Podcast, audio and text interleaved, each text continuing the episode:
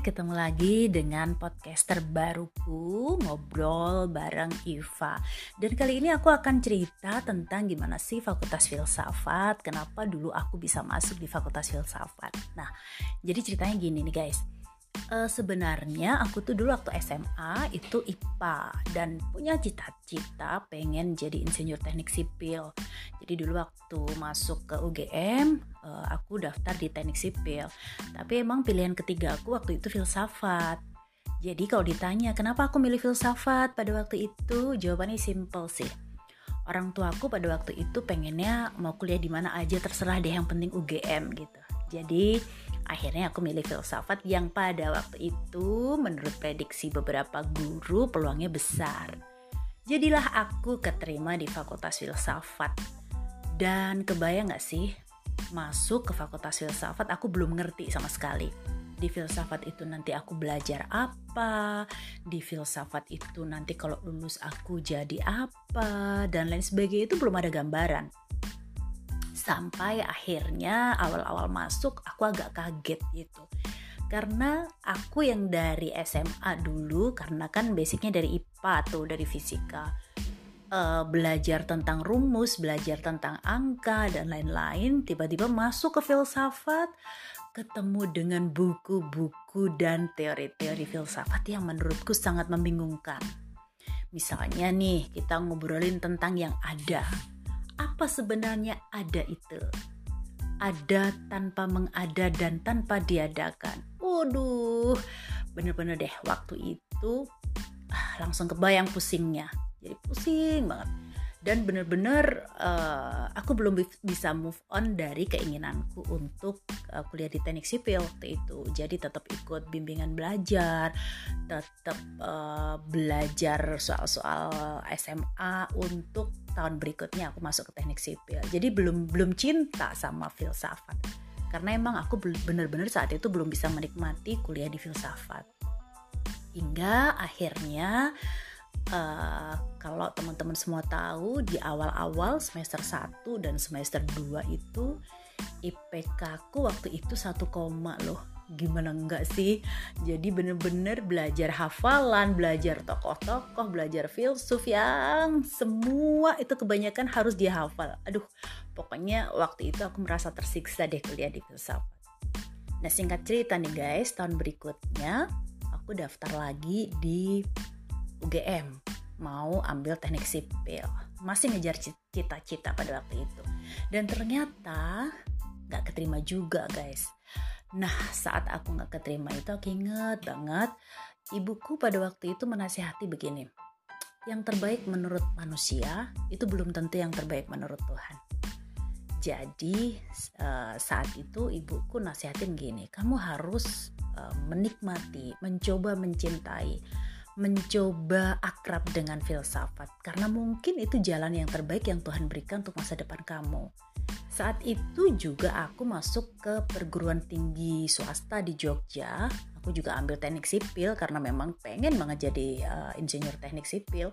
Dan ibuku bilang begini, pokoknya aku tidak boleh melepaskan fakultas filsafat karena menurut ibuku, saat kamu diterima di Fakultas Filsafat, ada banyak sekali orang yang mungkin menangis karena nggak diterima di Fakultas Filsafat karena kursinya aku pakai. Jadi dosa dong kalau setelah aku masuk ke sana dan tiba-tiba aku buang kesempatan itu begitu aja.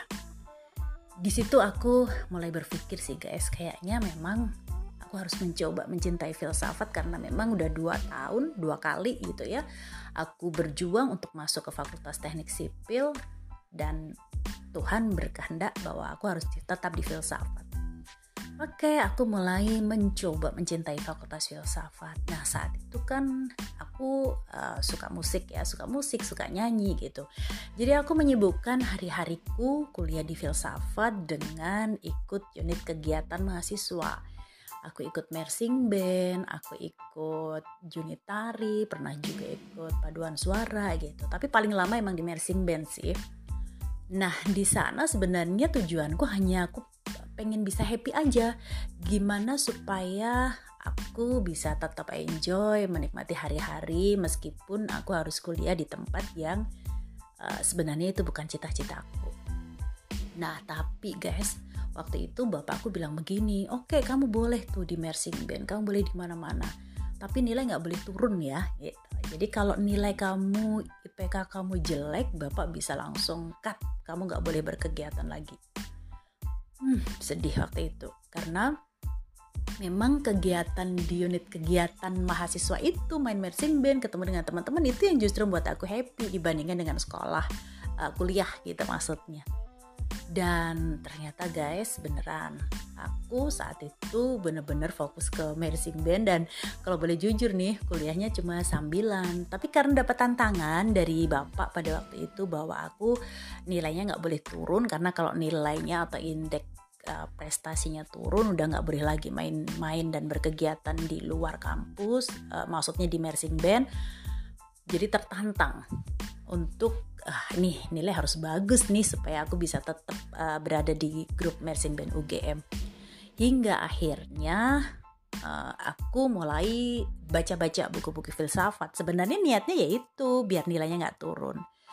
Nah tapi guys saat aku udah mulai baca buku-buku filsafat di situ aku baru mulai merasakan cinta dengan filsafat.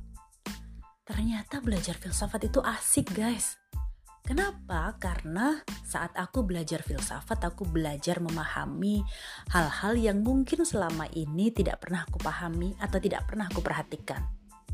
Misalnya, aku belajar memahami apa sih sebenarnya hidup itu dan apa sih tujuan orang hidup. Aku juga belajar untuk memahami cinta itu sejatinya apa sih? Dan yang lebih menarik lagi buatku saat itu aku belajar tentang filosofi adat di Indonesia lewat uh, mata kuliah filsafat Nusantara. Di sana aku bisa tahu banget, bisa ngerti banget bahwa ternyata di Indonesia itu kaya akan nilai-nilai filosofi yang selama ini aku pahami hanya di kulitnya aja Misalnya nih, dulu masih kecil sering kan kalau melakukan apa-apa gitu, orang tua kita selalu bilang, "Awas pamali." gitu. Saat ditanya, "Kenapa kok pamali?" Ya udah, pokoknya gitu aja, nggak boleh gitu. Nah, saat aku belajar filsafat Nusantara, aku ngerti bahwa banyak sekali nilai-nilai filosofi di Indonesia yang memang banyak yang belum terungkap dari situ aku mulai suka dengan filsafat nih. Misalnya salah satu ya guys ya, kalau aku ceritain.